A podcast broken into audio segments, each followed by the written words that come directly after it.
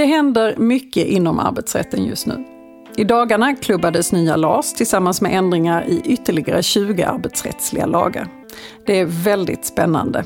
Men genomgången av de nya reglerna i LAS kommer vi att vänta med till efter sommaren. Det blir en bra uppstart eftersom de inte ska börja tillämpas förrän i oktober. Men så här i sista avsnittet av Arbetsrättspodden innan sommaren så vill vi ändå nämna några andra förändringar som också kommer ske i LAS som har sitt grund i en, ett EU-direktiv, nämligen arbetsvillkorsdirektivet. Och de här ändringarna träder i kraft den 29 juni så det är bra att ha med sig de här redan in i sommaren. För det kommer innebära att många behöver se över sina anställningsavtal och annan dokumentation till arbetstagarna.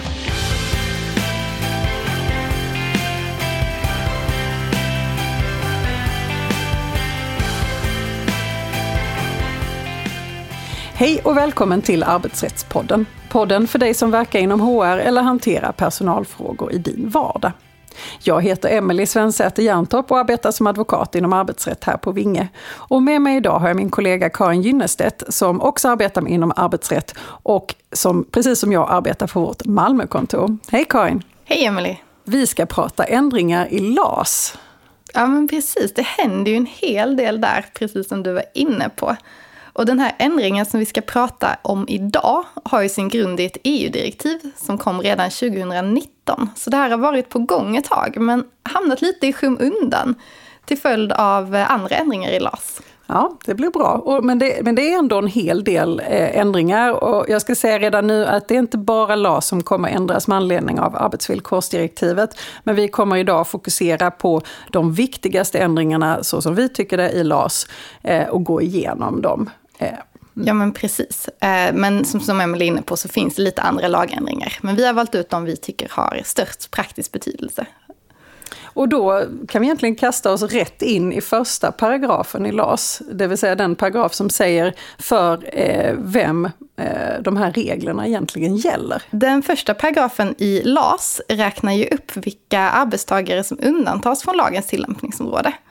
Och den här paragrafen kommer ändras på så sätt att de här arbetstagarna, det vill säga företagsledare och eh, familj till arbetsgivaren till exempel, kommer faktiskt att omfattas av vissa utvalda regler i LAS. Och det här ska vi ju vara jättetydliga. Hela LAS behöver inte tillämpas på de här eh, personerna, men vissa särskilt utvalda paragrafer, de behöver man tillämpa. Ja men precis, bland annat de paragraferna vi ska prata om mer i den här podden kommer man behöva tillämpa även på eh, de här personerna.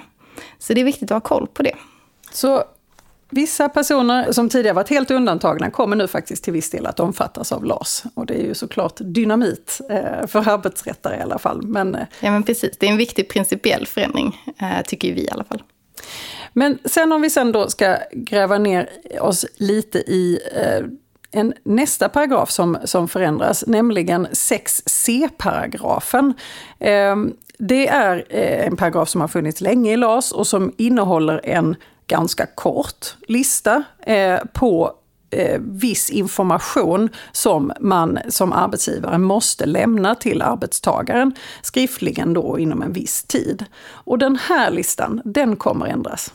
Ja, den kommer att bli längre och mer detaljerad. För nu kommer arbetsgivaren att bli skyldig att informera om eh, en ganska, en lite mer utökad eh, lista på eh, anställningsvillkor. Och syftet är att man vill undanröja eventuella oklarheter i ett anställningsförhållande. Och att arbetstagare ska ha den informationen de behöver för att kunna ta vara eh, på sina anställningsrättigheter. Och det är ju bra, om man ska tänka här när vi, när vi går in och tittar på detta så kanske det här känns som eh, självklarheter för många eh, i Sverige idag. Men man ska tänka på att de här reglerna de kommer från ett EU-direktiv, eh, det vill säga att de ska tillämpas i alla EU-stater och det betyder också att eh, ja, det blir lite olika typer av ändringar i olika typer av lag eh, stiftningar. Så att eh, vissa saker kanske känns lite krystade men det är för att man, man behöver anpassa detta till eh, ja, EU-standard helt enkelt. Jag tänker att vi går igenom den här listan rätt upp och ner. Eh, och då ska ju sägas att vissa av de här sakerna är inte nyheter, utan det är vad som har funnits i eh, den här 6c-paragrafen redan tidigare. Men vi kan ju highlighta lite vilka av delarna som är eh, nyheter. Så ta med er det att från och med den 29 juni så behöver ni få med hela den här listan. Ja, men precis. Och den här listan ska ju ses som en liksom, miniminivå för vad man behöver informera om. Och om vi kanske börjar från början så är det en skyldighet för arbetsgivaren att informera om sitt eget namn och adress, men även om arbetstagarens namn och adress. Och det här är ju ingen nyhet, det känner man ju igen. I tillägg till det så kan det ofta vara en bra idé för arbetsgivaren att också informera om sitt organisationsnummer. Och det är ju verkligen bra för arbetsgivarens namn kan ju, och händer inte särskilt sällan, eh, att man, den faktiskt förändras under tiden som anställningen varar. Men organisationsnumret, det, det ändras inte.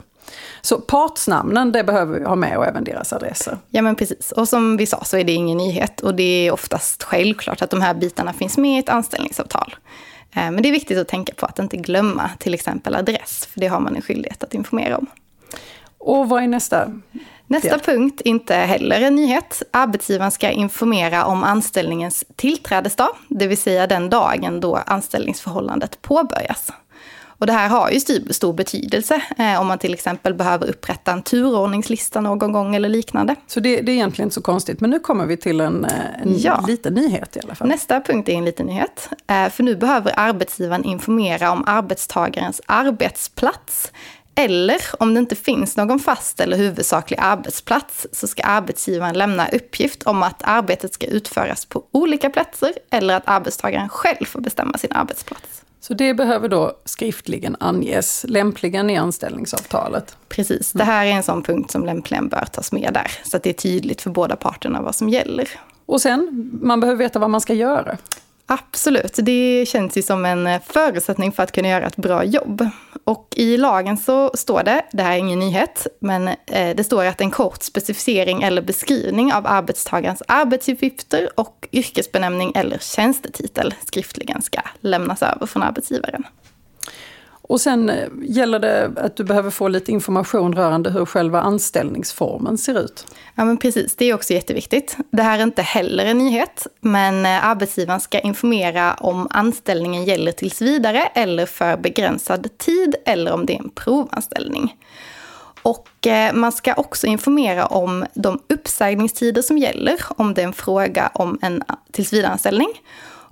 Eh, så ska man ange anställningens slutdag eller de förutsättningar som gäller för att anställningen ska upphöra om det är fråga om en tidsbegränsad anställning. Och är det fråga om en provanställning så ska man ange prövotidens längd och eventuella villkor för provanställningen.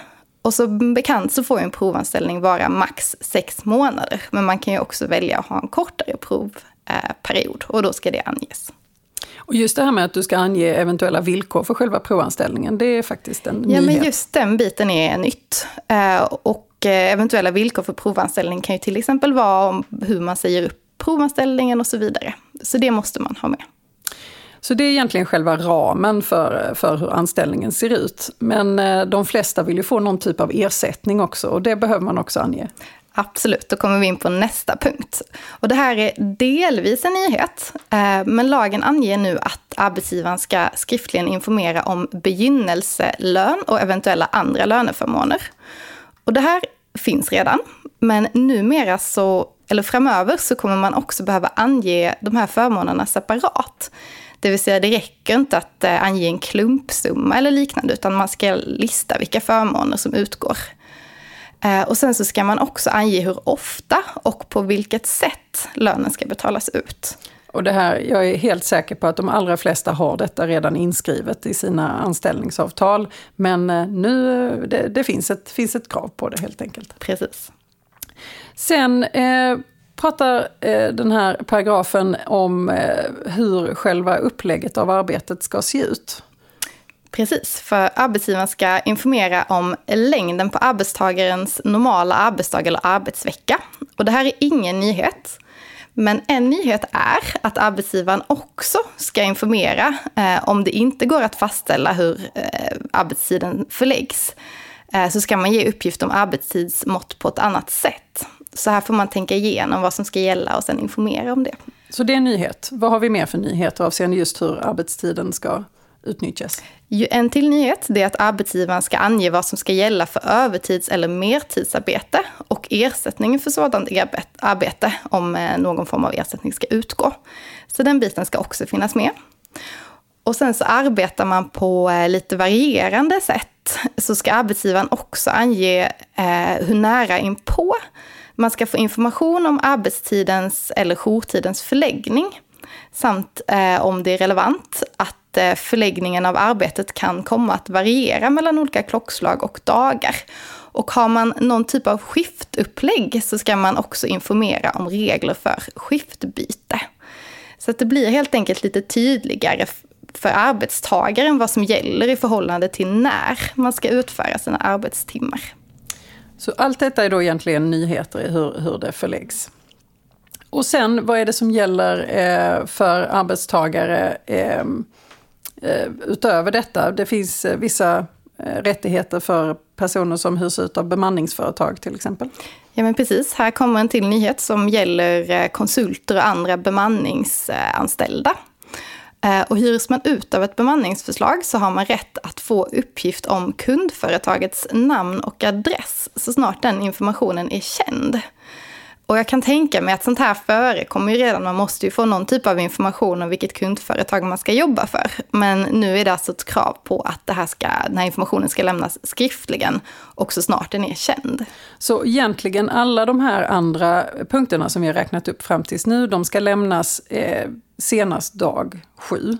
Ja. Eh, men Eh, just det här med vilket kundföretag man ska arbeta hos, det, det gäller eh, när man helt enkelt vet det. Och det kan ju såklart ändras under anställningstidens gång. Ja men precis, att om man byter kundföretag till exempel, då föreligger ju, ligger den här skyldigheten kvar. Då ska ju arbetsgivaren informera skriftligen om eh, det nya kundföretaget, så snart man känner till vilket det kommer vara. Sen har vi ytterligare några punkter som man har rätt att få information om lite senare, snarare kanske en månad eh, efter anställningen har, har inletts eller informationen krävs. Ja men precis, den här eh, listan fortsätter med lite fler nyheter. Eh, och arbetsgivaren ska nu lämna uppgift om rätt till utbildning som tillhandahålls av arbetsgivaren om det finns någon sån utbildning. Och det ska som Emelie är inne på lämnas senast en månad från att anställningsförhållandet har påbörjats. Och återigen, det här är ju då sånt som det behöver. Inget av det här egentligen behöver finnas med i anställningsavtalet, men eh, eh, man behöver ha koll på hur man lämnar det och då är det oftast kanske lättast att göra det i anställningsavtalet. Eller om man arbetar med policies eller andra typer av dokument. Men det är viktigt att man ser till att det faktiskt kommer till arbetstagarens kännedom. Precis. Sen har vi ytterligare punkter som ska med. Yes, eh, arbetsgivaren ska också informera om längden på arbetstagarens betalda semester. Och det här eh, är väl ganska vanligt att man gör redan idag, men nu blir det ett lagkrav att göra det. Och sen så kommer vi till nästa punkt och den eh, säger att arbetsgivaren ska informera om bestämmelser som arbetsgivaren och arbetstagaren ska följa när någon av dem vill avsluta anställningsförhållandet. Och detta är ju såklart eh, en hel del tvingande regler som följer av LAS och kollektivavtal eh, som egentligen inte eh, man råder över och bestämmer över själv. Eh, så här är det säkerligen många som kommer få göra en del justeringar, för normalt sett så, så eh, går man inte in på detalj eh, i detta i anställningsavtal i dagsläget. Men det kan vara så att man behöver göra vissa hänvisningar och hjälpa arbetstagaren att hitta rätt, till exempel i lagen om anställningsskydd och så. Ja men precis, syftet är ju att det ska vara tydligt för båda parterna vad som gäller när någon vill avsluta ett anställningsförhållande. Och sen har vi några, två punkter till. har vi. Ja, vi har två nya punkter till eh, som är helt nytt. Och den första av dem det är att arbetsgivaren ska lämna uppgift om att arbetsgivaravgifter betalas till staten. Och sen ska arbetsgivaren också lämna uppgifter om det skydd för social trygghet som tillhandahålls av arbetsgivaren. Så båda de här två är ju nyheter och det här är ju inte jättevanligt att man har i dagsläget. Så här kommer det nog vara rätt många som behöver uppdatera sina, sina avtal. Ja men precis, här får man ju verkligen se över så att den här informationen faktiskt lämnas. Och den ska lämnas inom en månad från att anställningsförhållandet har påbörjats. Och sen slutligen någonting som vi redan tidigare har med i 6e-paragrafen. Ja men precis. Den sista punkten är ingen nyhet och den anger att arbetsgivaren ska informera om de kollektivavtal som är giltiga, tillämpliga om det finns några sådana. Så denna långa lista behöver man egentligen stämma av mot den information som man lämnar i dagsläget. Och som sagt, man kan tänka igenom, vissa av de här eh, punkterna passar kanske bäst in i anställningsavtalet, eh, andra kanske man informerar om på annat sätt. Men hur man än väljer att lägga upp det så måste man se till att den här informationen lämnas. Ja men precis, och det är ju ett absolut skriftlighetskrav. Så att det räcker inte att man har pratat om det här muntligen, utan det ska finnas skriftligen.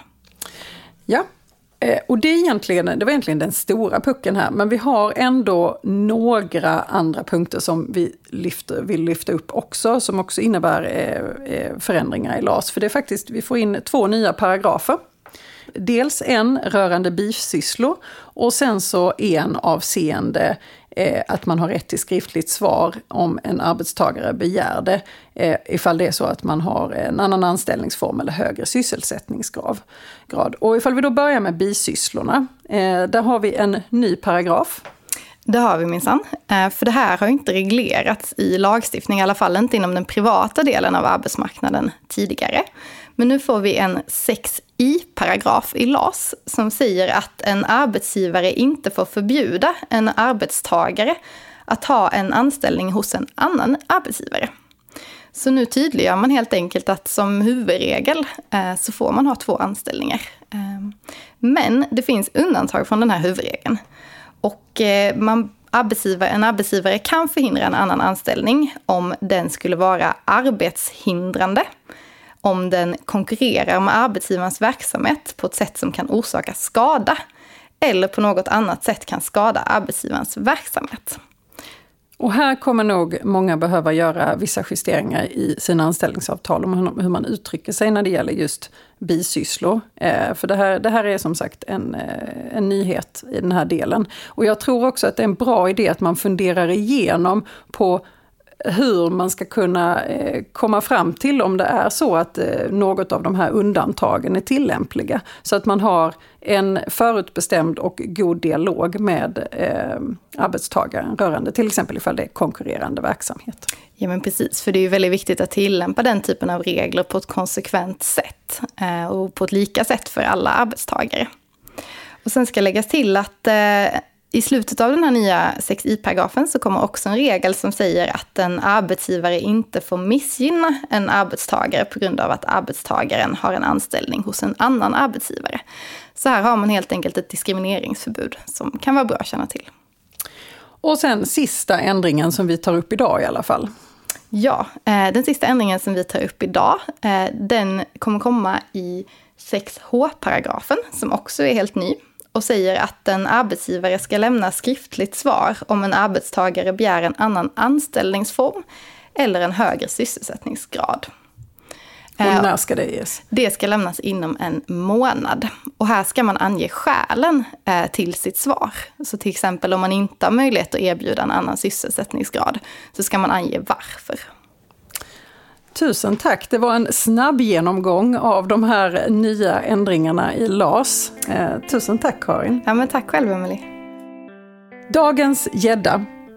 Se till att se över era anställningsavtal och annan dokumentation och jämför dem med den här listan så att ni uppfyller de nya kraven som som sagt ska börja tillämpas den 29 juni i år.